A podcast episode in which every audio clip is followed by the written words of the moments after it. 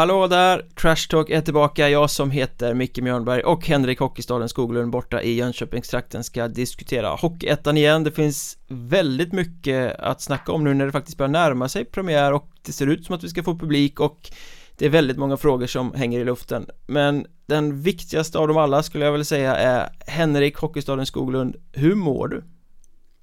Jo då, nej, jag, jag mår bra. Jag är på rätt väg. Skönt att jag. höra. Jajamän. Hur mår du själv? Eh, jag mår bra. Det är rätt skönt att ha kommit igång med lite arbetshöst igen efter att ha varit pappaledig halva sommaren.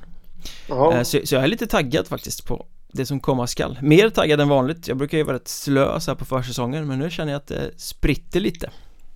Ja men så har jag också känt faktiskt. Det jag har ju aldrig kunnat kolla på träningsmatcher på tv innan. Jag tycker att det är så ruskigt tråkigt men den här, eh, nu den här för, försäsongen så har jag nog sett en, jag vet inte, fem, sex matcher kanske från, från alla serier här då i, i Sverige. Eh, och, och liksom kunnat sitta kvar hela matchen och kollat i stort sett. Så det är väl abstinensen för uteblivet kval och SM-slutspel som, som betalar sig nu istället. Ja men det måste väl vara lite så. Man har fått vara utan det så pass länge att suget har börjat byggas upp igen.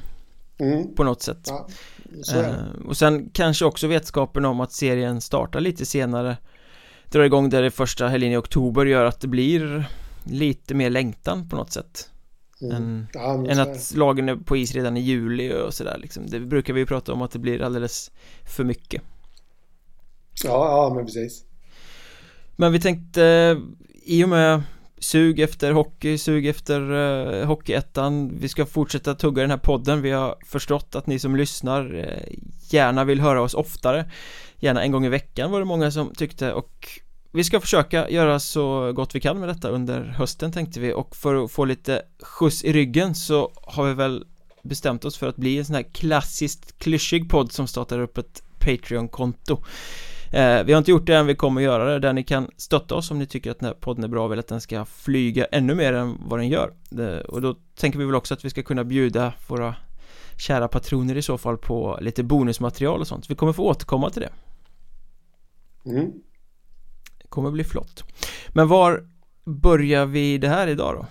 Det ser ut som att det kommer bli publik på premiären i alla fall Om man ska döma av de kära ministrarna som stod och höll eh, presskonferens för några dagar sedan mm.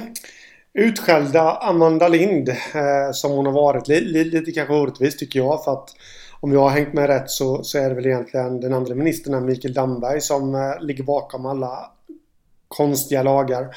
Men, eller det gör han inte men eh, han är ansvarig för dem i alla fall. Men eh, skitsamma. Bra besked tycker jag eh, Att de ska börja jobba för det för ingenting är ju beslutat än. Nej det var ett besked som var ett icke-besked egentligen. Det var ju inte så mm. konkret direkt.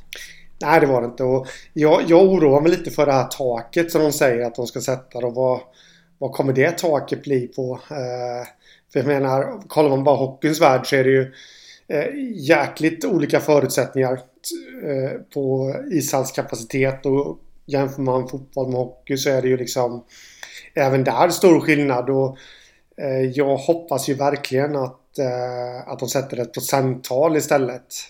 Att det får bli lite mer, inte ett fast tal. Då, då, då kommer det bli kalabalik. Ja men det måste man göra, man kan inte sätta ett tak på 2000 pers för det Nej, innebär ju att du får ha lite personer i en SHL-arena men du får fylla en Hockeyettan-arena mm. Ja. Egentligen, eh, så att det får man väl utgå ifrån att det blir ett procenttal Du måste det... kunna hålla avstånd eh, Sådär Vid årsboksluten så kommer ettan segla förbi eh, SHL efter den här säsongen Nej då Nej men jag tror att det kommer handla mycket om eh, Om man nu lämnar det här taket som jag tyckte var Ja, jag, jag tyckte bara rent allmänt att det var märkligt där. Men eh, vi, vi, vi, får väl anta att det blir ett procenttal. Sen tror jag att det kommer... De kommer behöva ta hänsyn till mängder med olika andra aspekter också. Öppna upp fler ingångar, exempelvis att det inte blir köbildning. Kanske till och med skicka ut folk på läktarna för att sälja godis, korv med bröd och alltihopa. Mm. Så att det slipper bli kö i, i de olika kafeterierna och alltihopa. Så det, det känns ju som att eh, Visst, det är glädjebesked. De kommer att släppa in lite publik men det kommer bli väldigt mycket jobb för klubbarna också. Ja men och, och vilka ska man, hur, liksom, hur ska man placera folk? Ska man ha bara på sittplats och var tredje stol och varannan rad och det blir ju väldigt mycket, det måste ju komma tydliga riktlinjer det där hur man får ja. sätta folk så att det inte ja, blir High Chaparral av allting. Här kan man ju utnyttja ståplats också om man lägger ut eh, sittplats eller sittdynor exempelvis på varannan rad och allt det där också så att eh, men det man tycker ju som så att avståndet skulle ju vara två meter eh, är väl rekommendationen just nu.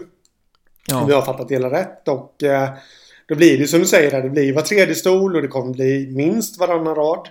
Och eh, så det kommer inte bli så jättemycket människor ändå som kommer släppas in. Och hur, gör, och hur gör man med sällskap? Jag menar på en, på en, går du på en restaurang idag så får du ju sitta hur tätt du vill med ditt sällskap. Men det måste vara se och så många meter mellan borden till andra sällskap. Eh, ja, så kan man sälja biljetter ja. på det sättet också i en hockeyhall då liksom att ja men nu kommer en familj då får ni sitta på fem stolar bredvid varandra med två stolar mellan till nästa Eh, eller ska en familj sitta och ta upp en hel rad då för att de måste ha två stolar eh, mellan sig fast att de sitter i samma bil på vägen till och från arenan? Mm. Ja, det verkar ju... Kan sällskap få sitta ihop så kan du också få in mer folk och få mer ekonomi i det, tänker jag. Mm. Ja, så pass. Sen kommer Folkhälsomyndigheten eh, vilja gå på ett sånt spår, spår. För då kan ju vem som helst, man kan ju gå ihop i en Facebookgrupp liksom vid ett sällskap. Ja, Ja men, ja, men så funkar det när man går på restaurang Det finns ju så väldigt mycket gråzoner i det här eh, mm. ja, och sen, och sen oavsett vad Någonstans kommer ju en begränsning Så här många får ni släppa in eh, Och då kommer mm. ju också klubbarna till Den svåraste frågan Vilka ska de släppa in? För de flesta klubbarna ändå får man väl gissa kommer ha fler som är intresserade av att gå på matcherna än de få platserna som finns för att släppas in i arenan Ja, eh, jag vet inte riktigt. Eh, jag har inte räknat riktigt på det men eh, Men det, det, det kan mycket väl vara så och Det är väl ingen Einstein eller raketforskning att tro att det är säsongskortsinnehavarna i alla fall som kommer få förtur. Mm, hur många klubbar har sålt jättemånga säsongskort? Det känns väl som det... att det egentligen är de stora publikklubbarna bara.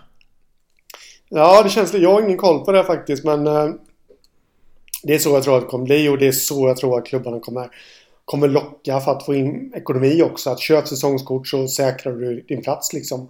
Men eh, det kan ju inträffa att eh, att det finns klubbar som har sålt mer säsongskort än vad de kommer få släppa in folk. Ja, hur, hur, hur löser man det då?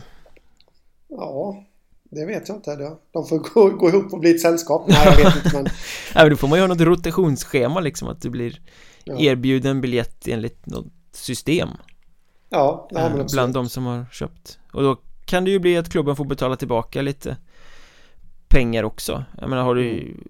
Många fans efterskänker väl då av, av kärlek till klubben får man väl anta. Men det kan ju också finnas de som Har man betalt för 11 hemmamatcher i grundserien då så bara får gå på 7 till exempel mm.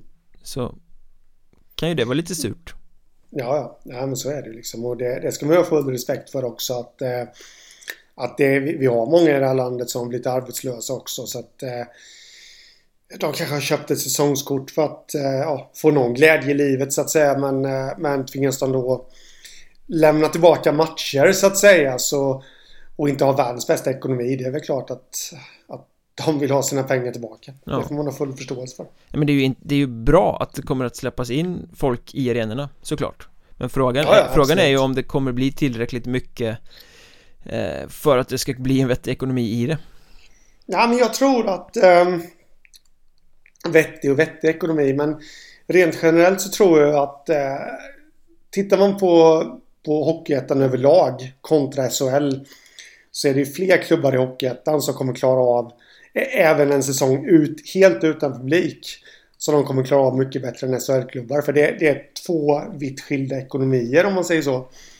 Och, och då tror jag att det, det behöver inte bli en sån här gigantisk smäll för klubbarna det här nu när de faktiskt får släppa in lite publik. Ja, det beror ju på vilka. Det... det är nog väldigt vitt, vitt skilt mellan klubbarna. Det är klart att SK Lejon har ju under 50 ändå. Så att de Ja. påverkas väl inte så mycket men En klubb som Nybro eller Mariestad eller Skövde åker ju på en jättesmäll Ja, absolut. Det kan Om du får ha absolut göra. 300 istället för 1 och 2 liksom Det är ju Så är det. Men å andra sidan så är det sådana klubbar som eh, kan, nu vet inte jag hur det har gått, men, men det är sådana klubbar som absolut kan få ruljans i det här med soffbiljetter och sälja fiktiva korvar och alltihopa. Eh, eftersom de har ett sådant stort följe så att eh, det kommer bli en smäll men, men kanske inte riktigt så så stor smäll som, som man vid blotta ögat tror. Nej Nej det blir ju mindre än, än utan publik alls överhuvudtaget Ja, ja. Vad man kan konstatera är väl att det blir en ganska stor, som du säger, eh, apparat, logistisk apparat för klubbarna Det blir väldigt Ja, mycket mer men- att hantera i samband med ett arrangemang Ja, ja, ja absolut. Och det, det, jag antar att de måste ha lite funktionärer som ser till att hålla koll på folk så att de verkligen sitter utspridda. Och sen, jag var och kollade på HC Dalens träning i eh, måndags. Förra måndagen. Då, en av deras materialare, nu överdriver jag lite men känslan var ju att det enda han gjorde under det träningspasset det var ju att springa runt och sprita handtag. lite så för att eh, Nej men för att, eh, och det är bra alltså, de, de följer ju eh, de här Det ska man ju göra. ja. Riktlinjerna, så att absolut Jättebra men, men jag menar Det måste göras Och klubbarna måste se, se till så att någon gör det eh, Likadant när eh, Jag hörde webbsändningen Dalen Skövde eh, Mellan två intervjuer när de skulle lämna över headsetet så var det någon som vrålade där Sprita! och då var det faktiskt samma materialare som, eh, som spritade Snabbt och bra, vi måste ha en stor låda med handspritsflaskor Ja, ja, ja. Absolut, så att... Eh, så det, det kommer krävas väldigt mycket och det ska städas. Eh, jag antar, alltså det gäller ju omklädningsrum och alltihopa liksom. Eh, så det, det kan väl bli en liten... Väljer man att inte göra allt det här med städning internt då inom klubben så kan ju det också bli en merkostnad. mm. Juniorlagen får städa Ja, En annan grej som jag har tänkt på är ju att Jag menar det kommer ju bli färre människor som kan ta sig till hallen och gå på matcherna det, Så är det ju eh, Mm. Vilket ju borde göra att det blir lite mer tryck på webbsändningar eh, Att fler vill köpa matcherna och se på nätet. Eh, Vilket ju då rent rimligen borde göra att efterfrågan på någon form av abonnemangstjänst eh, Borde också öka. För det här har ju varit en snackis i många år. Det är jävligt dyrt att köpa styckmatcherna i Hockeyettan i förhållande till kvaliteten på produkten. Eh, Och väldigt många skriker efter att man vill ha ett abonnemang Så att man kan köpa liksom en klump och sitt lags matcher till ett rabatterat pris. Fullt rimligt kan man tycka och jag menar är det fler som ska sitta hemma i soffan och titta så kommer ju fler vilja ha ett abonnemang för att kunna följa Eh, Ja. Samtidigt så, så behöver ju klubbarna ha varenda litet öre från de här webbsändningarna eh, mm. till det dyra styckpriset för att väga upp för färre folk i arenan Eh, Så den blir ju intressant också, ska man gå för ett abonnemang som många kommer vilja ha eller ska man hålla fast vid, vid det styckpriset som marknaden egentligen inte vill ha och kanske till och med höja priset på den för att kunna kompensera eh, Det blir en liten jobbig situation där kan jag tänka Ja, men precis. Ja, men i normala fall så hade jag vrålat rätt ut att eh, abonnemang är den enda vägen att gå. Eh, men i, i detta fallet, precis som du säger, att klubbarna behöver ju varenda öre de kan få. Det, ja, då tycker jag nog att de ska hålla fast vid sina webbsändningar. Det, det är nog inte rätt tid för abonnemang just nu. Faktiskt. Å andra sidan Eh, finns det inget abonnemang kanske man tappar många av de här som man annars hade kunnat få in För att de säger, nej jag Ja. tänker inte pröjsa 129 spänn per match Eh, Då eh, Nej. får du vara utan hockey den här säsongen Frågan är ju om om, eh, om just en abonnemangsförsäljning skulle kompensera upp. Nej, jag har ingen Nej, aning Det Jag är var... inte helt säker på det. Däremot så en sak jag kom på nu. Eh, alltså trots att man kan säga att det är kris och alltihopa i Sverige. Men företagen generellt, de går faktiskt jäkligt bra just nu. Det skulle ju vara en väg för klubben att gå att hitta en sändningssponsor. Som bara liksom sponsrar sändningen med x antal belopp och att de släpper sändningarna fria Mm. för sina fans. Exempelvis. Eller ja, men betala 500 kronor så får du se varenda match. Ja. Får du den här koden. Exempelvis. Så det kanske är en väg för klubbarna att gå. Att, eh, att eh, försöka locka företag till att, eh, till att sända. Ja, och vad, Det- och vad händer bakom kulisserna egentligen med hela den här ATG-soppan och allting? Det vet man ju inte heller Finns det Nej. någonting där som kan mynna ut i något Ja, sändningsmässigt liksom? Det är det man funderar lite över. Både du och jag har ju sett en del träningsmatcher här nu. Och ATG, ATG-loggan ligger ju kvar eh, i sändningen. Eh, oklart varför. För de, de har ju brutit. Det var det senaste man hörde. Sen har man ju även hört att, de, att, ja, att diskussioner förs. Så men det är lite luddigt. Vad, kommer det här ta vägen? Jag, lev, jag tyckte att ATG-avtalet var en bra grej. Så jag lever lite på hoppet att, eh, att de för diskussioner. Och att det kommer mynna ut i någonting bra. Ja, det, potentialen för att hitta ett lysande samarbete där fanns ju Definitivt Ja, absolut. En annan viktig fråga som vi ska Som inte kommer runt här när vi ändå är på ämnet eh, Några dagar sedan så gick Borlänge ut och meddelade att de stänger ner sin eh, A-lagsverksamhet på obestämd tid framåt för att de har fått in covid-19 i truppen. Tre spelare tror jag det var, eller tre Tre runt truppen var det, jag vet inte om det var spelare allihopa. Mm. Det ska jag låta vara osagt. Eh, Men helt rätt såklart. Har man fått in coronan så är det klart att man måste stanna ner och vänta tills stormen har blåst ut. Se till så att man inte, att det inte sprider sig. Eh, Det går ju att göra så här när det är försäsong Det är ju liksom bara, ja men vi får hoppa de här träningsmatcherna, nu är det så här Nu har vi skiten i, i laget, nu får vi vänta. Men vad, vad händer om det här händer under säsong? Säsongen drar igång 4 oktober, 3 oktober.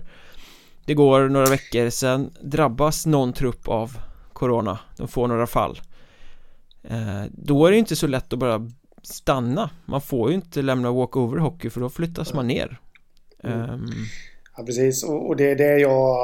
Det, det här det här har jag efterlyst ända sedan ja, sommaren när seriebestämmelserna bestämmelserna kom och alltihopa. Med reservation för att jag inte har fått med varenda mening och bokstav när, när jag har lusläst den här luntan. Men alltså, det finns ingenting om, om det här. De borde ju haft ett coronatillägg här nu. Eh, det, det finns ingen skrivelse eller någonting utan det, det man får anta då helt enkelt är att klubbar inte får lämna walkover. Då flyttas de ner. Det är det som gäller och eh, jag, jag är fullständigt övertygad om att vi, vi kommer få se ett coronautbrott Ja, under säsongen. ja men det är, 40, Minst det är ett. 47 klubbar med X antal spelare i varje Det är klart att någonstans Alla- alla kommer ju någon bli sjuk Ja men precis, det är SHL Så kan, det, kan du ju göra lite NHL-style liksom du, du har heltidsanställda spelare, du kan Mm. begränsa dem lite grann. Lite kontakt med omvärlden och sånt. Men I Hockeyettan där det inte är någon ekonomi Där måste ju spelarna gå upp på morgonen, gå till sitt jobb. Många jobbar i skola, många jobbar på lager, många jobbar liksom där det är mycket folk i omlopp På Mm. det sätt. Så att många spelare kommer ju exponeras för smitta Troligtvis. Ja, Så kommer den in Så. i ett lag Två spelare blir sjuka. Ehm, Om man inte får lämna walkover Ska de då skicka iväg resten av laget och hoppas att ingen annan har blivit smittad?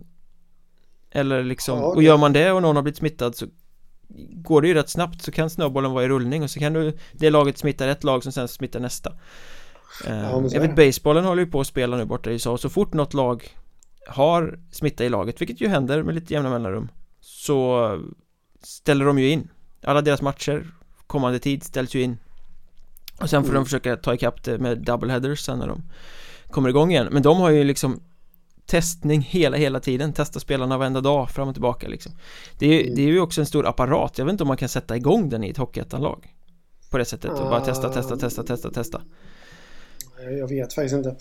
Eh, jag, jag har väldigt dålig kännedom om hur, hur stor apparat och allt det där det. Det skulle kunna vara en väg framåt att göra det. Men... eh, Det verkar ju vara ett lynnigt virus på det sättet att ingen riktigt vet Ja. hur Man kan testa en gång och då har man inte och så testar man nästa och så har man det och så är det liksom Ibland, vissa har antikroppar, vissa har det inte Det verkar inte finnas något liksom Tydligt, så här är det Nej, precis. Men eh, jag hade ju förespråkat, och det tror jag till och med att jag har skrivit någon gång om för länge sedan, att eh, jag, jag tycker man skulle bommat igen serierna den här säsongen. Alltså det vill säga inget lag åker ur, men skicka gärna upp något eller några lag från underliggande division. För det här, det här är en så, det kommer bli en så speciell säsong där. Så att eh, vi ser kapprustning i Allsvenskan. Vi ser kapprustning i SHL. Vi, jag vill inte säga att vi ser kapprustning i Hockeyettan på det sättet. Men, men, men, det finns några lag som satsar. Absolut. Och, och, och liksom... Eh, dessutom så ska de kapa Hockeyettan nu. Ja, det, det blir lite med, nästan ironiskt att en ja. sån här säsong som kan ställas helt på huvudet så ska sju lag kvalas bort. Ja precis och det är därför jag hade sagt att det var någon som svarade mig där att ja men då hade kapprustningen kommit nästa säsong. Jo men man får väl hoppas då att Corona i alla fall inte finns kvar. Att klubben i alla fall kan dra in publik. Ja. Eh, så jag, jag, jag tycker att det är helt fel säsong att kapa lag och jag tycker de borde pluggat igen nu när vi snackar om Hockeyettan. Eh, pluggat igen Hockeyettan. Inget lag åker ur men flytta upp eh, ett lag från vardera region i, i, från tvåan där. Så får de kapa det sen. Mm. Men vad tror du de gör då? När eh, Nu har ju både Enköping och Borlänge varit drabbat av covid på försäsongen Men när När Piteå får, får in lite smitta i laget där någon gång i november Vad, vad tror du händer om du får gissa? Ja men till att börja med så tror jag att de kommer väl börja titta på På lämpliga lösningar att eh, skjuta fram Det finns ju inte så mycket luckor men Nej det, det är lite mer komprimerat än vanligt redan från början Ja Eh, eller då, alltså får de ju kolla på att skicka juniorlaget. Fylla på med juniorer, men det finns en del klubbar som inte har eh, juniorlag. Nej, men då, det innebär ju eh. fortfarande att du måste skicka iväg eh, till synes friska spelare som ändå uppenbart har varit exponerade för smitta i och med att det finns smittade ja, spelare precis. i laget. Precis, och det där är lite intressant också för att eh, nu har ju Borlänge stängt ner A-lagsverksamheten och då får man ju anta att Alltså vad de vet så finns smittan bara så att säga i A-laget då. Men i, Norge så vet jag att Lillehammer har ju bommat igen hela sin anläggning för att ja. 21 spelare tror jag på deras hockeygymnasium hade konstaterats med Corona. Oj då. Det, det är ju liksom inget som, ja någon kanske till A-laget då men det är ju det är ingenting som direkt kopplas till A-laget men de hade ju ändå bommat igen. Och eh, en träningsmatch om tio dagar tror jag är väl in, inställd till och med. Mot eh, Viktor Kokmans Storhamar för övrigt. Mm. Skulle de mött då. Mm. Den är inställd. Så eh, eh, det, det, kan ju bli så här, här i Sverige också att för att ta det säkra för det osäkra så måste man bomma igen en hel anläggning. Då kan man inte spela hemmamatcher. Exempelvis. Om man nu skulle få för sig att skicka ett smittofritt juniorlag till, till en bortamatch. Men om, ja, så kan man inte man kan inte spela hemma helt enkelt. Ja, får man göra en Väsby och eh. spela 11 raka borta eller vad det var de gjorde här om året?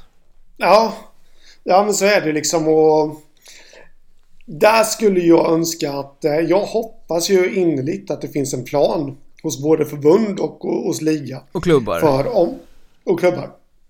Om detta skulle inträffa men det är inte utkommunicerat. Och, och jag, jag tycker nästan att vi lärde oss det i våras. Vi, man kan raljera över liksom att... Eh, Vimmerbys buss stod på en jävla parkering och väntade på besked ja. på halvvägs till Hudiksvall liksom. Ja, men precis. Man, man, kan liksom raljera lite om, eh, om det här med worst case scenario och alltihopa. Men vi lärde oss det i våras. Vi behöver det i svensk hockey. Vi behöver ha det inskrivet. Vad gäller när det värsta inträffar. Ja. Så är det faktiskt. Och det finns inte. Fortfarande. Och det, det här gör mig upprörd. Det, det, det, hör, det hör ni säkert nu. Det finns fortfarande inte. Vi lärde oss sjukt mycket i våras. Läs seriebestämmelserna. Det står ingenting om vad som händer. Alltså jag vill ju veta vad händer. Gud förbjuder nu. Men vad skulle hända om ett SHL-lag störtar med ett flygplan? Mm. Uh, vi, alltså, det står inte inskrivet.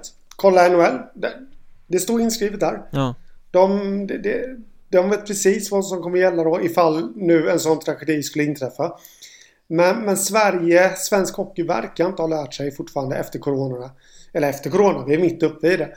Och det, det gör mig faktiskt förbannad om jag ska vara helt ärlig. Att eh, det, det, känns naivt på något vis. Ja men naivt är väl ett bra ord på hela hanteringen av Corona Från det att utbrottet kom i våras fram till nu ja, lite valhänt ja. hanterat Det är väldigt mycket förhoppningar och väldigt lite liksom realitet Jo, nej men så är det och det, det, det är ju skit där. Nu var jag hård där innan men Alltså det är skitenkelt. Det är egentligen bara att gå tillbaka till sig själv. När man satt och funderade här i mars när allting stängde ner. Ja, men till hösten så kommer det nog Då är det lugnt vara bra. Ja, då, då, då kommer det nog vara lugnt. Och det är ju faktiskt en, en, ett litet mål jag personligen har, har strävat efter ända till Ja, säg mitten av juli kanske. Eller ja, till och med slutet av juli när jag faktiskt började tänka Fan, hösten är ju snart här. Och det, det är en ljusning. Vi har sett en ljusning men så ljus som man trodde i våras så är det ju inte. Nej men att det skulle, Men- alltså, när man satt och hörde Stefan Löfvens tv-tal där, det där förinspelade som han höll i april liksom eller vad fan det var. Ja, Det kommer vara ett maratonlopp sa han och man bara ja ja det är, väl, det är väl lugnt. Till sommaren är det väl klart tänkte man.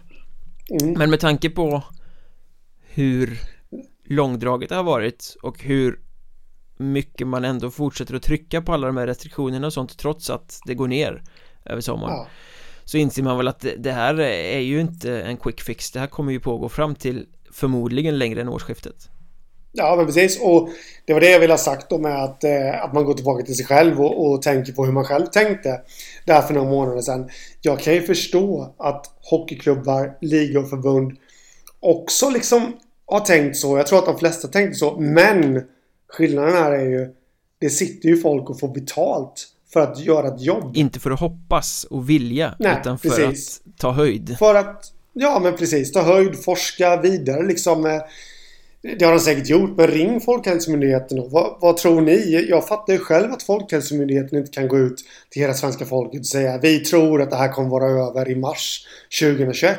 Det fattar jag själv, men ringer man för ett litet informellt samtal, har de gjort det från förbundets sida? Jag vet inte. Ja men det blev som där Hockeyallsvenskans jävla eh, Gick ut med någon klyscha liksom. Vi ska starta i september men att spela utanför publik är som att dansa utan musik. Tjo tjim faderillan eh, Och sen kom de på några veckor senare att aj fan det här var inte så bra Våra klubbar kan ju inte dra igång försäsongen och sen blir det försenat. Det blir ju dyrt. Det är bättre de kan Till- stämpla till- på a-kassa. Vi skjuter på det. Det var så fantastiskt tramsigt allt som omgav Hockeyallsvenskans första kommunikation där. Eh, Till Allsvenskans försvar ska man ju säga att de, de har ju fått en snygg logga nu i alla fall. Jag vet inte fan. Det kändes tv-spel på något sätt. Ja, allting är väl bättre än den gamla i och för sig så att Ja, nej, jag, nej, jag håller med dig och, och jag tror att de flesta som lyssnar också håller med. Liksom att det är ju... Ah, det har varit väldigt naivt tycker jag. Ja. Faktiskt, det hela hanteringen. Men Corona lagt därhän, vi får väl återkomma till det, det är ju en ständig följeslagare i våra poddavsnitt sen i våras eh, Men vi, vi kollar lite sportsligt, vi kollar på lite händelser som har varit i kring Hockeyettan-lagen och eh, Något som står ut är ju att eh, Vimmerby kom överens med Jakob Karlsson efter många om och men det, Han skulle inte få vara kvar, sen blev det ett kontrakt i alla fall Kontroversen var över såg det ut som Då kommer kapitel två Då Mm. petas nu trotjänaren Jakob Karlsson plötsligt som lagkapten Ja. Det, det känns ju som en story som... Jag vet inte, men det känns som att det luktar lite illa. Om, jag, jag, jag, jag vet inte vad som har hänt. Vad som försiggår i Vimmerby. Eh, jag kan väl någonstans tycka också då att eh, man ska väl inte vara rädda för att peta en kapten. Men det känns som att det lades lite, vad ska man säga, tårta på tårta här med, med misstankar om eh, en fnurra på tråden Ja. mellan Karlsson och Ja, man får väl anta Phil Horsky. eh, Eller i alla fall någon i ledningen. Ja, eh, Det känns som det. jag, jag såg att du var ju ganska tidig med när det hände och, ute och tyckte att det luktade illa och sådär Jag var Mm. lite mer skeptisk, jag tänkte att det är väl inte så Det behöver inte vara så konstigt, ibland kan det vara skönt för någon att få lyfta av det där C1 och kanske få lite mer Mm. svängrum liksom Sådär. Det behöver inte vara negativt till en spelare att Det behöver inte heller vara en peak eller något sådär att man tar bort ett C Det kan ju liksom behövas, man kan Sådär, men sen såg jag vad vad Jakob Karlsson uttalade sig själv i, nå- i någon tidningsartikel om att han tyckte det var tråkigt, accepterade men tyckte det var tråkigt och tyckte att det hade gjort honom bättre som spelare. Och Mm. då började det ju lukta prestige.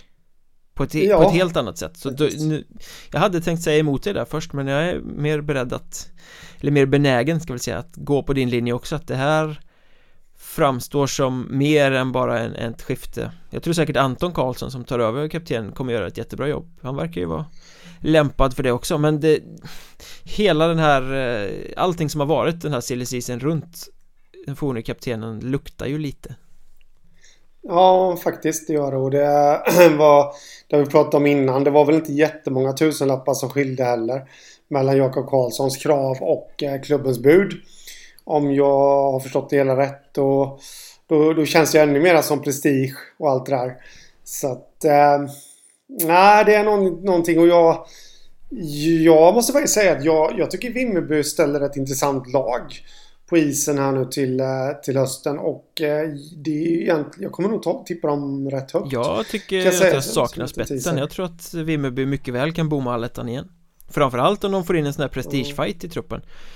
Ja, precis. All, all, allting komma. bygger ju på Phil Horskis grymma sätt att få ihop laget eller sådär Men han är ju också krävande Och vad händer om det börjar knaka lite på någonstans? Då kanske hela den här fundamentet av kemi försvinner och då, mm. då är Vimmerby rätt bleka Jag saknar spetsen i truppen Ja, precis Jo, men så är det Jag kan säga att jag bygger mitt resonemang Inte till hälften på Phil Horsky men till, till, till, mindre än hälften men, men, till en stor del i alla fall på Phil Horsky Men det, det bygger lite på att han har med sig Största delen av truppen i alla fall och det är där jag också, precis som du säger, jag flikar in min oro lite där också att eh, Vad händer nu? Eh, som du sa innan också. Alltså, jag är fullständigt övertygad om att Anton Karlsson kommer vara en bra kapten och det kommer säkert vara jättebra för honom. Han kan säkert växa av det här spelmässigt också men Jakob Karlsson är ju Han är ju på något vis Mr Vimmerby Får man ju säga. Ja. Eh, och en sån kille kanske man vill ha med sig om man är ledare. I en klubb. Ja, sen är det väl så att Phil Horsky driver väl ganska hårt och eh, mm. väldigt tydlig med vad han vill ha så att säga eh, Jag mm. vet man pratar lite om Malmö inför SHL-säsongen så pratar man om att Peter Andersson drev det där laget stenhårt och är en ganska bra men jobbig tränare. Han driver på sina spelare, han låter det inte söla till liksom. Mm. Och där känner man väl att man har kommit till vägs ände med det liksom. Det går inte att kräva mer ur spelarmaterialet utan att det blir jobbigt, man måste byta liksom. Och mm. där tror jag, så kan det nog bli med Phil Horsky också. Det är tredje säsongen nu han går in på med Vimmerby. Uh, Och Någonstans så, det går kanske en säsong till men man kan inte driva hur långt som helst, tänker jag Nej, nej men så är det, så är det. Till slut blir man ju inte en motiverare utan jobbig istället på något sätt, svår balansgång. Ja men precis. Så är det. Vi fick en uh, liten fråga via Facebook. Ni kan ju följa oss i sociala medier för väldigt mycket gott Hockeyettan-tugg. Mjölnbergs Trash Talk på Facebook att Mjölnberg podd på Twitter. Jag heter att Mjölnberg och Henrik heter att Hockstaden så har vi sagt det också. Och just Instagram finns vi på också. Mjölnbergs Trash Talk är bara att söka Vi fick en fråga på Facebook vad vi tycker om vikten av träningsmatcher uh, Och den tänker jag att jag lämnar över till dig Hur viktigt är det de här många matcherna som man stångas mot varandra innan det roliga börjar. Ja, men alltså det, det är ju... Alltså jag tycker att de är viktiga så tillvida att eh, du, du får en chans att spela ihop ditt lag, ditt eh, nya lag i, eh, i skarpa situationer. Eh, och hitta linjer i spelet och alltihopa. Du kan dessutom få med dig lite självförtroende. Sen vet vi ju att oavsett hur mycket du än vinner eller förlorar på försäsongen så spelar det egentligen ingen roll. Men eh, i och med att klubbarna ligger i lite olika faser och sånt där också. Mm. Rent träningsmässigt. Men, eh, men generellt sett så tycker jag det, det, det, korta svaret blir att Korta svaret blir att jag tycker nog att det är viktigt. Mm. Ja, resultaten är ju helt irrelevanta. Det är fullständigt meningslöst. Ja. Eh, Däremot så tror jag stenhårt på att få med sig segrar och få in en skön känsla i truppen är bra. Men å andra sidan kan det även vara nyttigt att förlora på försäsongen för då vet du exakt vad du ska jobba med. Det finns många sätt att vrida och vända på det. Jag kan väl tycka att det viktiga i många sätt inte heller kanske är att lagspelet funkar på det sättet att du gör en klockren insats som lag Det är klart att du som tränare vill se att försvarsspelet funkar och att ni ligger rätt i pressspel och styrspel och allt vad man nu ägnar sig åt Men en viktig aspekt är väl också att kunna testa spelare bredvid varandra, se vilka som kan ha kemi och vilka som passar Absolut. ihop och sådär. Så att du när du går in i säsongen kan ha hittat liksom i alla fall duos som funkar så att du har grundfundament för dina kedjesammansättningar och backpar. Istället ja, för att serien ska bli ett sökande efter det Du hittar ja, en center och nyttoforward som du ser att ja, men det, de här kommer ju Det här kommer ju bli svinbra. Mm. Nej, det, är också en viktig del att hitta, som du säger, kemin. Det där blev ju faktiskt en liten diskussion när Troja skulle spela sin eh, första träningsmatch Borta mot Kristianstad, de vann väl den med 3-0 tror jag. Ehm, Men jag såg i sociala medier att det blev bland fansen blev lite diskussion för de hade satt upp alla de här ungtupparna plus sin division 2 värvning i en fjärde formation. Um, mm. och tyckte att det var väl konstigt ska man inte ge dem chansen på försäsongen? Nu tror jag det blev så att de, flera av dem vi snackar Felix Wermelin, Simon Wester, Jesper Emanuelsson till viss del Linus Andersson också. De fick väl ansvar i olika spelformer och fick vara med mycket och, och testa och så när matchen väl spelades. Men mm. det, det, är lite gammalmodigt tänk det där att sätta de unga tillsammans längst ner i hierarkin på något sätt. Ni får mm. vara med här på ja, något sätt. Um... Ja, så är det ju. Eh, ja, var ska man börja här? Det var en mängd trådar som jag tänker på nu. För det första så känner väl jag att eh, hierarkin i en träningsmatch kanske inte är jätteviktig just för att eh, där, där brukar man ju liksom bara trumpeta på. Alltså man, man, man, brukar liksom inte ställa upp i special teams.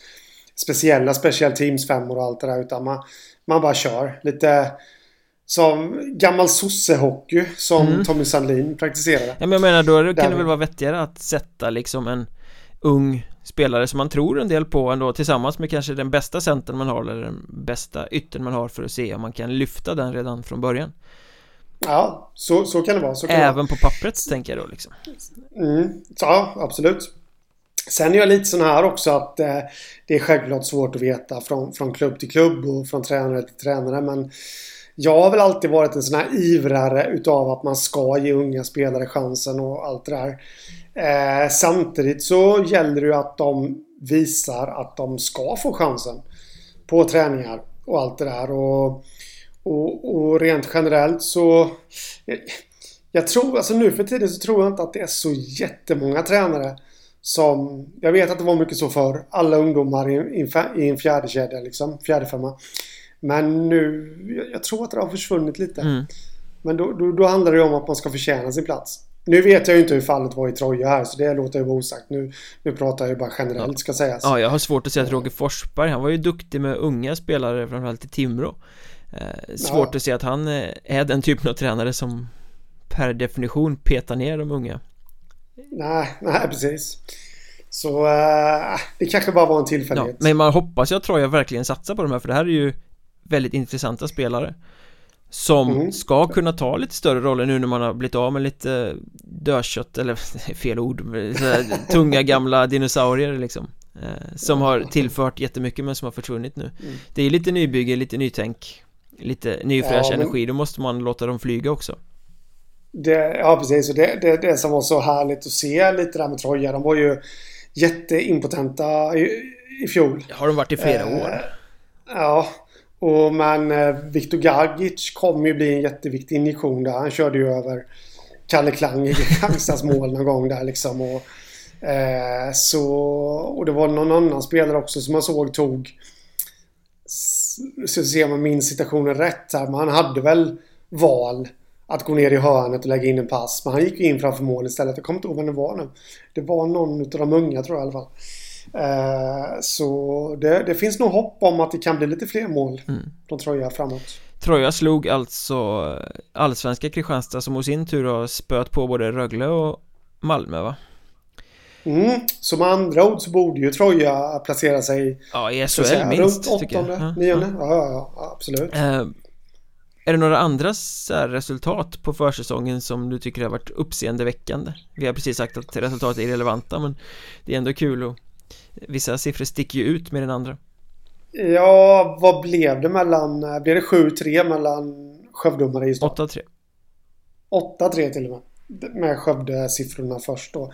Det tycker väl jag sticker ut lite. Ja, det var ju en överkörning. Det var väl inte siffror som ljög heller. De... Skövde var ju väldigt mycket bättre än Mariestad i den matchen. Mm. Ja, men det, det, det, det, tycker jag också att de var. Jag såg, eh, jag såg inte riktigt hela matchen, men jag, jag såg glimtvis kan man säga. Och, eh, Eh, jag blev faktiskt imponerad av Skövde i den matchen där och... Du skrev till och med en krönika om att du tror att de kör om Mariestad i år. Ja, Ja, jag tror... Ja, jo, jag tror det. Jag, jag är inte helt säker men... Jag tror ju... Man har ju redan på förhand känns det som förra åren kunnat säga att Mariestad kommer komma före Skövde liksom. Men jag tror inte att det är lika självklart nu i år. Jag, jag, jag tycker ändå att Skövde har en... Eh, de, de har en intressant eh, bredd på något vis. Mm, de, de, de, har verkligen eh, liksom ökat sin slagkraft känns det som. Ja. Kommit in lite intressanta spelare och det känns som att de har ett bredare lag nu än vad de haft de senaste säsongerna. Ja, men precis. Eh, så det är väl lite det jag grundar det på för att jag, jag tycker om man kollar rent spetsmässigt, alltså de här spelarna som ska göra poäng och alltihopa så, så tycker jag väl att lagen är, är rätt lika. Men, eh, men, eh, men, men kollar man just på bredden där så tycker jag väl att eh, Skövde har lite mer av den varan att eh, ja, klickar första och andra kedjan så, så kan mycket väl eh, tredje gå in och avgöra. Mm. Exempelvis eh, än vad Mariestad har. Men då ska man ju veta det att i Mariestads fall så är det ju lite mera oklart. De har ju lite J20-spelare som de har värvat in som man egentligen inte vet så mycket om. Uh, Nej, där har de väl så... framförallt ett ledarskapsutveckling med tanke på att det är så många trotjänare och eh, stora karaktärer från omklädningsrummet som försvinner. Så det är väl mm. egentligen där hela Mariestad har jättemånga skickliga hockeyspelare men det är väldigt mycket som ska omformas i strukturen och lagets hierarki Det ska kliva fram nya ledare, kravställare Allt sånt där och det, det är Precis. liksom inte helt självklart att Det är ju som vi har sagt tidigare, det är Mariestad och Visby som har den utmaningen eh, Väldigt mycket rutinerad eh, ledare försvinner Jag skulle nog vilja flika in Dalen också Ja, till viss del Timmy Persson och Glimberg tänker du Tolander? Ja, Elmgren. Eh, Tolander kanske inte den här ledartypen men, eh, men, men liksom ändå många matcher för Dalen. Mm. Och det är väl någon mera. Men eh, tillbaks till Skövde Mariestad där så så eh, jag vet att det var en diskussion igår där om eh, sociala medier. Jag, jag släppte en liten ranking av, av de bästa målvaktsparen. Och huruvida man, man ska gå framåt med en given etta eller en eller ett jämnstarkt målvaktspar. Och jag tycker väl inte att någon av vägarna är fel. Däremot skulle nu Tobias Sandberg bli skadad i ett playoff. Då har ju alldeles garanterat Mariestad säkrat upp med en tredje målvakt där. Som kanske skulle kunna ta rollen. Men det är inte jättelätt att komma in helt ny i ett lag heller. Och här har ju Skövde en fördel tycker jag. De har ju två målvakter som kommer köra med dem hela säsongen i Hugo Fagerblom och Robin Wallin. Där jag tror att Robin Wallin kommer ta första spaden. Han kommer nog stå kanske säg 60-70% av matchen i alla fall. För jag tror att han kommer nog ändå vara rätt noga med att matcha in Fagerblom också. Så att när det brinner till så, så ska han kunna kliva fram. Och då behöver inte han anpassa sig, om man säger så, till ett nytt lag eller någonting. Utan det är bara att köra. Mm, ja, det, så där tror jag faktiskt också Skövde har en fördel. Det är ju ett urstarkt målvaktspar, eh, får man ju säga. Ja. Men det var ju också lite en akilleshäl förra året skulle jag säga. För då hade de ju Hugo Fagerblom och Viktor Andersson som båda var mm. Tillräckligt bra för att hålla en första spade i ett lag som Skövde. Högt upp i hierarkin i Hockeyettan. Men de delade på speltiden och jag tror att det hämmade båda två Ingen av dem blev så bra som de hade kunnat bli med mer kontinuerlig speltid eh, Och här riskerar man att hamna lite i den situationen igen Man hade ju länge en tanke om att man skulle gå med Fagerblom och sen ta in en J20 kille som kunde vara med och vara back backup mm. Eh, sen fick man den här möjligheten att plocka in Wallin eh, Som ju har Skövde som moderklubb tror jag mm, ja. Och den, det är klart man kan inte passa på den. Alltså kommer en, en, en målvakt av Wallins kvalitet och vill komma in och spela Ja, det är svårt att säga nej där. Eh, Men man sätter sig lite i samma dilemma igen för nu sitter man med två första målvakter.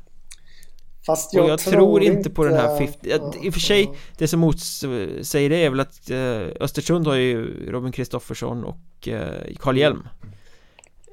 Och där har det ju funkat att dela, de har varit svinbra båda två Men mm. i Skövdefallet så, ja inte riktigt Jag är inte helt, helt hundra på att man ska ha två första som spelar 50-50 här är jag, jag anser att det är, För det första då så anser inte jag att det är riktigt lika villkor eh, just nu. I min värld så är Robin Wallin den klara tvåan, eller tvåan, ettan menar jag. Den klara ettan. i, det, i den här konstellationen. Ja, för min del, jag skulle Men... säga att det är ett vidöppet race det där. Ja, ja jag, jag tycker nog Wallin. Men Fagerblom kommer kunna nosa honom i nacken konstant. Eh, och här hoppas ju jag, nu spekulerar jag ju bara, men, men jag tror ju att det är lite så. Jag hoppas ju här att, att ledarna i Skövde nu verkligen har snackat med Fagerblom. För han såg sig säkert sig själv som förstemålvakt den här säsongen. Nu kommer han få ta en lite mer undanskymd roll. Hoppas att de har snackat med honom att ja, om man accepterar det till att börja med och ge honom alltså, spelreglerna. Så här är det. Vi kommer exempelvis nu då ställa Wallin i 60% av matcherna. Du kommer förstå 40 % och att Wallin är med på det också då. Så det här, det jag är ute efter nu, jag svamlar en hel del nu, men eh, det, det jag är ute efter det är att eh, här måste tränaren, jag vet inte om Skövde har en målvaktstränare, men ledarna måste vara jättenoga. De måste ha en öppen dialog med det här paret. Har de det, då tror jag att det kan bli riktigt bra faktiskt. Och att alla accepterar sina roller. Mm. Så det är det, precis det du lyfter fram där. Det är en jättefara för Skövde. Men förhoppningsvis kanske de lärde sig något också av fjolåret. Lyxproblemet som är en jättefara, det är fint. Ja. men, men eh, ett annat uppseendeväckande resultat om vi går vidare får man väl ändå säga var att Forshaga knölade till AIK med 4-3 efter förlängning. Och faktiskt mm. ledde med 3-0 i början av tredje perioden Innan de ja. kroknade fullständigt och släppte in tre mål på väldigt kort tid. Mm. eh, det, Ja, precis. Jag tror att AIK blev, det. Var väl Alltså Forshaga hade väl spelat någon match dagen innan ja, där tror jag. Precis, mot Färjestads J20 eller sånt där. Ja. Och jag menar det Nu kommer AIK såklart bli bättre än, än fjolåret men eh, men, men det är inte mycket som skiljer och Alltså Forshaga verkar få lite struktur. Ja, det var verkligen det. AIK hade ju pucken nästan hela tiden. Eh, Sen var det ju ett ja. bekvämt AIK får man väl säga också. Eh, mm. Såklart att det spelade in men, men eh, Forshaga såg ändå ut som att Ja men det var bra struktur på det hela. De kämpade, de gick hem, de kommer nog få ihop ett rätt bra lagspel där. Även om Det är väldigt mycket unga spelare så det kommer väl vara ojämnt Svinbra mm, ena nej, dagen, precis. rätt svagt andra mm. dagen Och jag menar det, det, det, är väl klart att hur mycket taggar AIK-spelarna till i en match mot Forshaga kontra hur Forshaga-spelarna taggar till i en match mot AIK. Nej, det går inte att jämföra. så är det liksom. Även om det är två klassiska klubbar. Om vi ska gå lite historik där. De har väl tampats i högsta serien på Nisse Nilssons tid. Säkerligen. Det är ju du som är kalenderbiten. Mm. Så jag litar blint mm. på ditt ord där. Mm. Kan du göra? Det tänker jag göra nu också för jag såg inte den här matchen som vi ska prata om nu men Nybro Mörrum och tandskydd Vad hände ja. egentligen? Ja, men jag var supertaggad och skulle gå och sätta mig och titta på den här matchen och kommentatorerna fortsatte att prata och prata och prata. Det enda man såg det var, det var en rink. En tom rink och jag tänkte vad, vad händer? Liksom. Men till slut så kom det fram, berättade de kommentatorerna där att eh, matchen var uppskjuten för att, eh, eller framskjuten för att eh, spelarna inte hade, alla spelare hade tandskydd.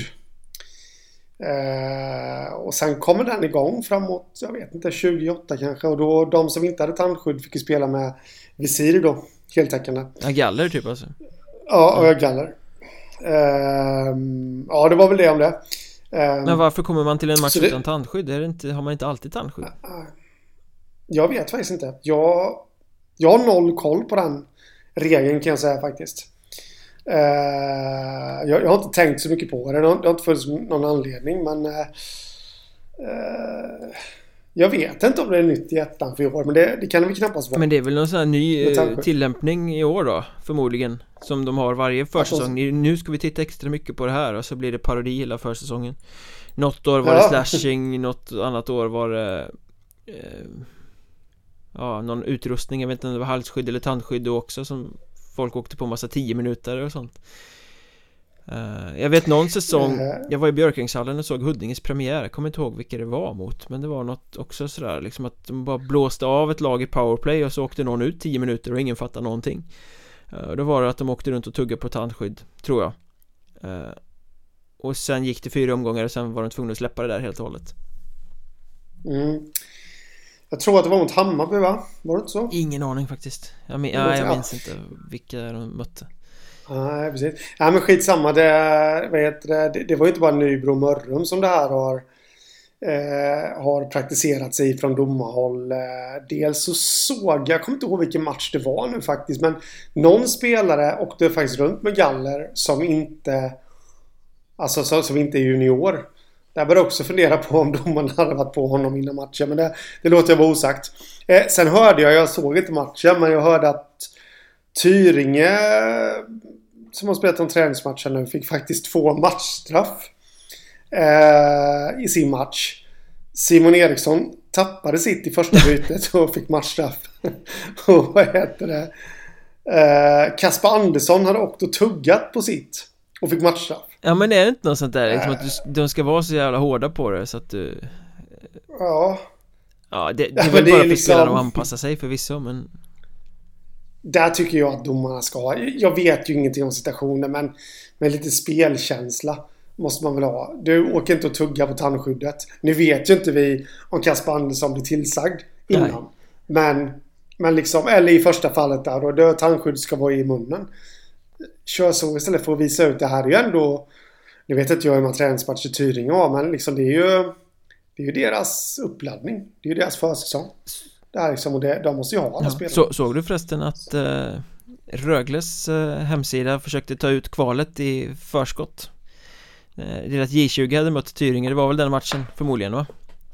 Eh, som du refererade till, de skrev i referatet ja, på sin hemsida att division 2-laget Tyringe hade de spelat mot Där... Fråga...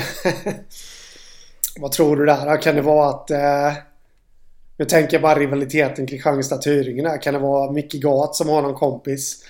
Han sitter i, och, och skriver på Rögles hemsida. Eller så är det någon som vill pika Magnus Ram för han har väl varit eh, i just den Rögles juniorverksamhet några år va? Ja, det har han varit ja. Just det, ja, det har varit. Eh, han bor i Ängelholm också för övrigt så ja, Nej, jag fnissade lite det. när jag såg det. De ändrade det sen tror jag Men eh, det var lite kul. Ja, det måste man ha När vi ändå var inne på Huddinge förresten Så det blev ju så som vi diskuterade förra podden Att Väsby lånade ut en målvakt Och den målvakten hamnade i Huddinge För att fylla luckan efter August Hedlund Som gick till Vita Hästen. Så eh, Sebastian mm. Andersson blev det odd man out Som kommer tampas med Pontus Eltonius i Huddinge kommande säsong. Och det är väl mm. Det är väl en bra lösning för alla parter, tänker jag. Ja, men det tycker jag. Och eh, även då Huddinge seglar upp till att få ett sånt där eh, bra målvaktspar verkligen, verkligen. Som, där, där de kan eh, skifta lite och, och hålla på. Så att eh, där måste man ju säga det, det, det, var nästan nödvändigt för Huddinge att, eh, att få in en, eh, jag, jag är nämligen lite oroad för dem. Jag tycker de har en sylvass offensiv Eh, och nu har de ett jättestarkt målvaktspar. Men backsidan just nu ser inte jättestark ut. Mm. Eh, och jag har faktiskt funderat lite på det där att när Eltonius var ensam så att säga. Då, vad händer ifall han går sönder? Eh, nu har de ändå... Eller tappar formen. Eh, då kan det bli jobbigt De har ju en juniorkeeper som de har på A-lagskontrakt men han är väl utlånad till Segeltorp va? Mm, jag tror det. Jag är inte helt säker på om han är utlånad dit men... Eh, jo, jag tror det är så. Mm. Nej, men så att det, det, det... Det var nästan nödvändigt för Huddinge tycker jag. Att, eh, de kanske kommer skicka in lite starkare backar framöver här, det vet inte jag. Men just nu tycker jag att det ser väldigt, väldigt... Jag har ju roat mig lite med att eh, gå igenom Hockeyettan-truppen här i sommar och nu kommer jag säkerligen få en massa Huddinge-människor efter mig men jag håller Alla nog tre. dem som... jag håller nog Huddinges backsida som... Ja, säg en av de 6-7 sämsta i Hockeyettan just nu. Det var inga små ord. Ska tilläggas. Nej, det var inga små Talangfabrikens men, talanglösa backsida. Nej, men uh, vi, vi, ska se här nu. Jag har ju faktiskt skrivit ner lite här. 6-7 kanske det kanske är så du måste jag... ha SK Lejon bakom dem i alla fall För de har ju inget lag överhuvudtaget på pappret Ja Nej det Ska breaka lite här då med att jag, jag har ju rankat alla lagen Efter eget huvud och eh, jag har ju, eller efter eget huvud, det har jag inte gjort, men jag har ju självklart gått på vilka kvaliteter och sådana här de har. Men äh, äh, nu ska vi bara se så att jag hittar detta. Nu, nu, nu, nu blir det ju, jo. Jag vill nog, ja, jag har sju lag efter Huddinge när det kommer till backsidan. Och det är ju bara utav dem jag har hittat på Elite Prospect. Ja, det, det innebär alltså att det finns 39 lag i Hockeyettan som har en bättre backsida än Huddinge enligt Henrik Oxstaden Skoglund. Mm.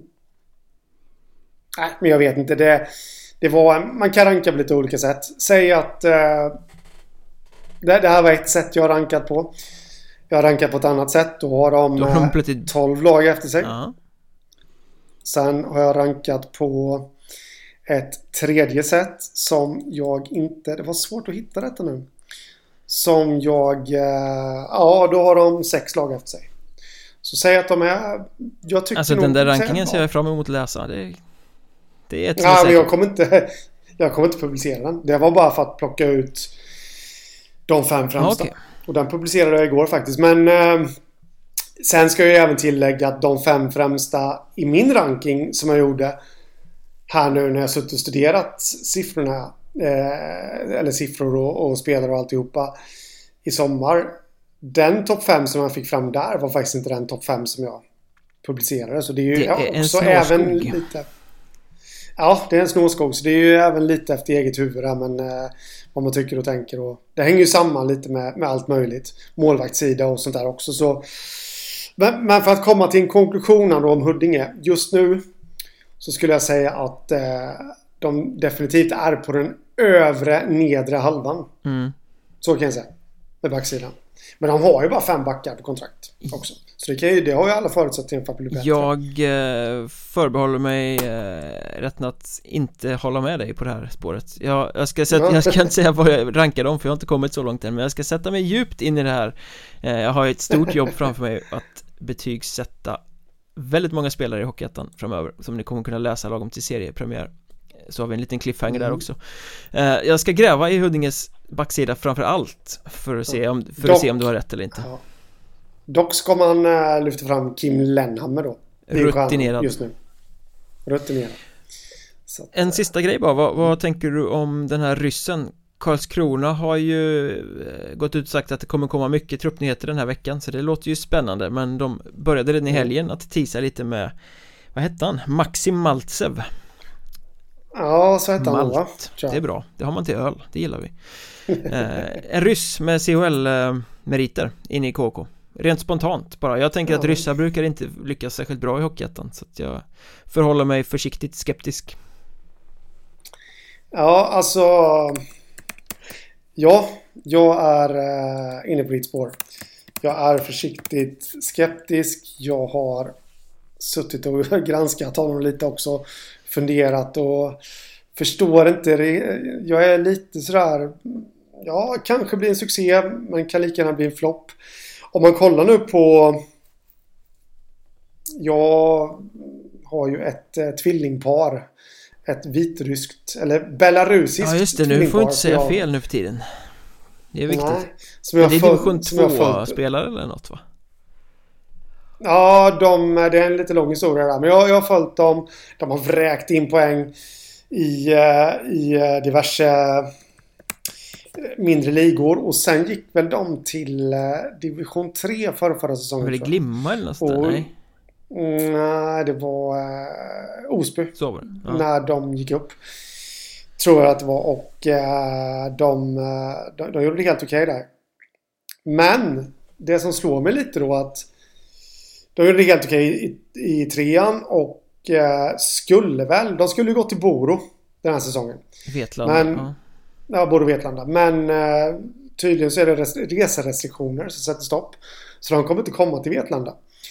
Vilket gör det lite märkligt för att eh, den, den här Maltsev borde rimligtvis utgå från Vitryssland också. Ja fast han är väl eh, ryss va? Han har spelat... Ja det är de med. Okej. Okay. Ja. Bröderna Lomakin också ryssar. Okay. Så, så, så det gör det lite märkligt faktiskt. Men det, det beror ju lite på vad han har varit. Kanske i sommar. Jag, jag vet inte. Eh, men skitsamma om det. De, eh, senaste gången de spelade i Vitryssland så körde de... Eh, Eh, jag, tror de hade så här 30-35 poäng. Men, den här Maltsev då. Han har ju bara 21 poäng. Ja. Alltså det är en sån... Det går inte att jämföra så heller men då undrar man lite att... Och, och de värvas in till division 2 även fast det inte blev någonting. Och vad, vad håller han för klass egentligen? Och för de som kommer gå in och dubbelkolla detta nu på Elite Prospect så vill jag faktiskt säga att jag har lärt mig en sak. Ligorna Belarus och Belarus 2 det är, det är inte skillnad på dem. Lomakin spelar i tvåan men det är, det är ingen skillnad på dem. Bägge två är högsta liga. Det är bara... Är det som Hockeyettan södra och Hockeyettan norra typ eller? Ja, ungefär. Fast kanske då Belarus den som enligt Elite Prospects är högsta liga kanske skickar samtliga lag vidare till slutspel medans det kanske är fyra från Belarus 2. Ja, okej, det är uppsamlingshitet. Ja, men lite så plus att de... Eh, jag tror väl att de möts emellan ligorna också. Om jag inte är helt ute och cyklar. Det var någon av de där tvillingarna som lärde mig det i alla fall. När jag, förhörde mig om saker. De var väl eh, typ den enda ligan som inte stängde ner på grund av Corona också va? Ah, var inte det Kazakstan? Ja, det kan ha varit ah, var det inte Belarus? Ja, jag vet inte. Det var något sånt Ryssland i alla fall. Ja, men eh, så det, det gör ju mig att bli lite så här okej. Okay. Det, ja, han kan mycket väl hålla för Hockeyettan. Kollar man hans VHL-stats, det är ju farmarligan. Mm. Till KHL så tror jag väl att Lomakin som spelat där med och de kom rätt högt upp i poängligan och han var ändå rätt medelmåttig. Så, nej, försiktigt skeptisk. Ja, det känns lite som precis som med den här David Sarkanis eller vad han heter som eh, Kalix har värvat Letten som har KHL-meriter på, på CVt Det låter lite ja. bättre än vad det kanske i själva verket är Ja, precis Jag menar, i och med att de kommer till Sverige och hamnar i Hockeyettan På något mm. sätt å, mm, å andra sidan eh, Om man ska Det känns som vi sitter och dissar Maltsev totalt där nu? Det känns som Nej, jag, jag har ingen aning om honom så att eh... men, men, Nej, men precis Men kollar man då på Champions Hockey League här Jonas Minsk när de ställde upp, det var förra säsongen tror jag. Så var med. Då har han ju faktiskt sju poäng på åtta matcher. Fast det är ju å andra sidan en och... träningsturnering. Ja. Ish. Ja, ja. Merparten av matcherna spelas ju under försäsongen.